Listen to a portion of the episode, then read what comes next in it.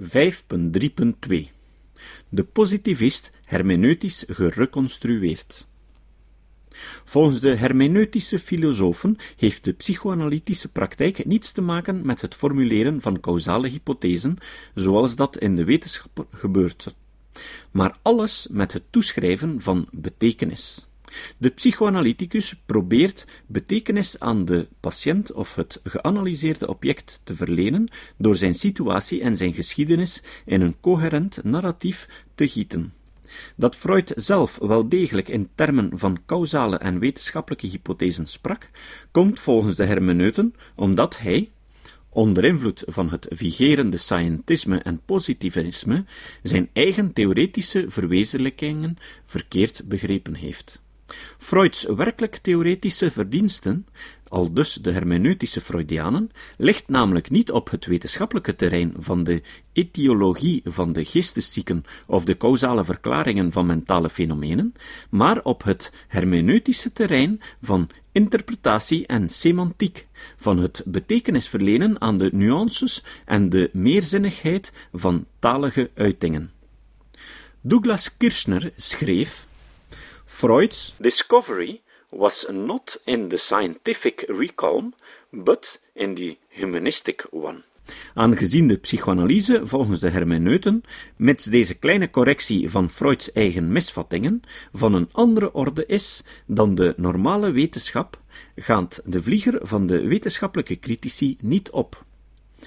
Op de kritiek dat de psychoanalyse geen wetenschap is, kan het antwoord dus enkel luiden: Natuurlijk niet in de woorden van Richard Webster, by elegantly dissolving the truth claims which are everywhere apparent in psychoanalysis, it makes it possible to evade the task of evaluating Freud's theory critically.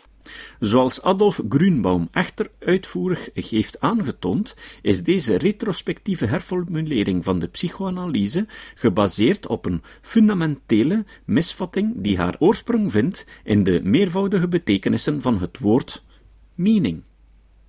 In de theorieën van Freud veroorzaken onbewuste verlangens en complexen specifieke zichtbare symptomen die daardoor een bepaalde betekenis krijgen.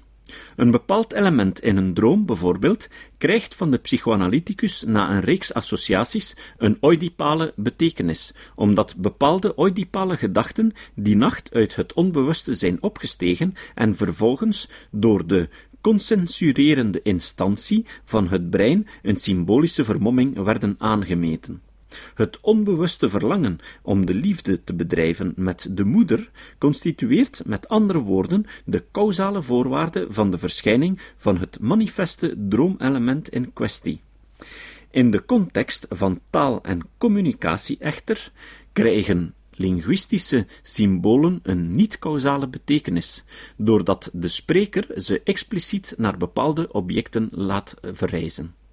De hermeneutische psychoanalytici spelen de ambiguë betekenis van het woord betekenis uit om, op basis van Freuds herhaalde omschrijvingen van de analytische praktijk als een interpretatiekunst, de indruk te wekken dat de psychoanalyse in wezen geen causale uitspraken doet die vatbaar zijn voor wetenschappelijk onderzoek.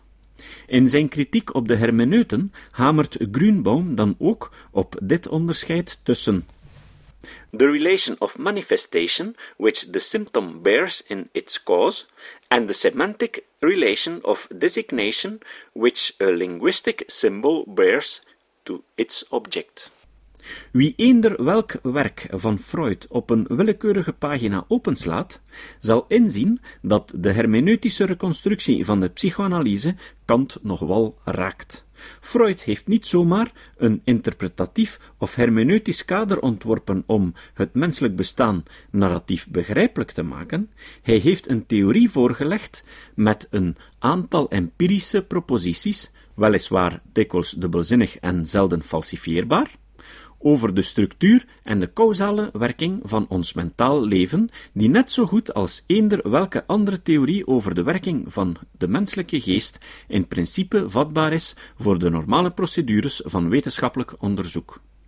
Zonder de wetenschappelijke aspiraties houdt het hele Freudiaanse oeuvre geen steek, en wie beweert dat Freud de aard van zijn eigen theoretische verwezenlijkingen op een danige fundamentele manier verkeerd begrepen heeft, kan net zo goed de hele theorie in de prullenmand werpen. Voor Freud, die zichzelf als de rechtstreekse intellectuele erfgenaam van Copernicus en Darwin beschouwde, was het essentieel om het wetenschappelijke karakter van zijn geesteskind te benadrukken. Hij vond het dan ook een gross injustice that people have refused to treat psychoanalysis like any other science. En schreef over de psychoanalytische theorie Like every other natural science, it is based on a patient and tireless elaboration of facts from the world of perception. Hoewel de hermeneutische variant van de psychoanalyse tegenwoordig behoorlijk wat aanhang kent, krijgt deze niettemin toch af en toe tegenwind van de wetenschappelijk georiënteerde analytici die in het vorige hoofdstuk verschillende malen opdoken. Andrew Weston bijvoorbeeld, die de psychoanalyse liever met de exclusiviteit van het truïsme verdedigt, maar op zich wel erkent dat ze aan de vereisten van dergelijke wetenschap behoort te voldoen, maakt over de hermeneutische immunisatiestrategie de volgende terechte observatie. What hermeneutics who have tried to evade the jaws of science have never realized is the extent to which their epistemology is dependent upon a series of assertions about that mind that are empirical propositions such as the assertion that the mind works in such a way as to produce surface manifestations of deeper underlying structures of meanings which require interpretation.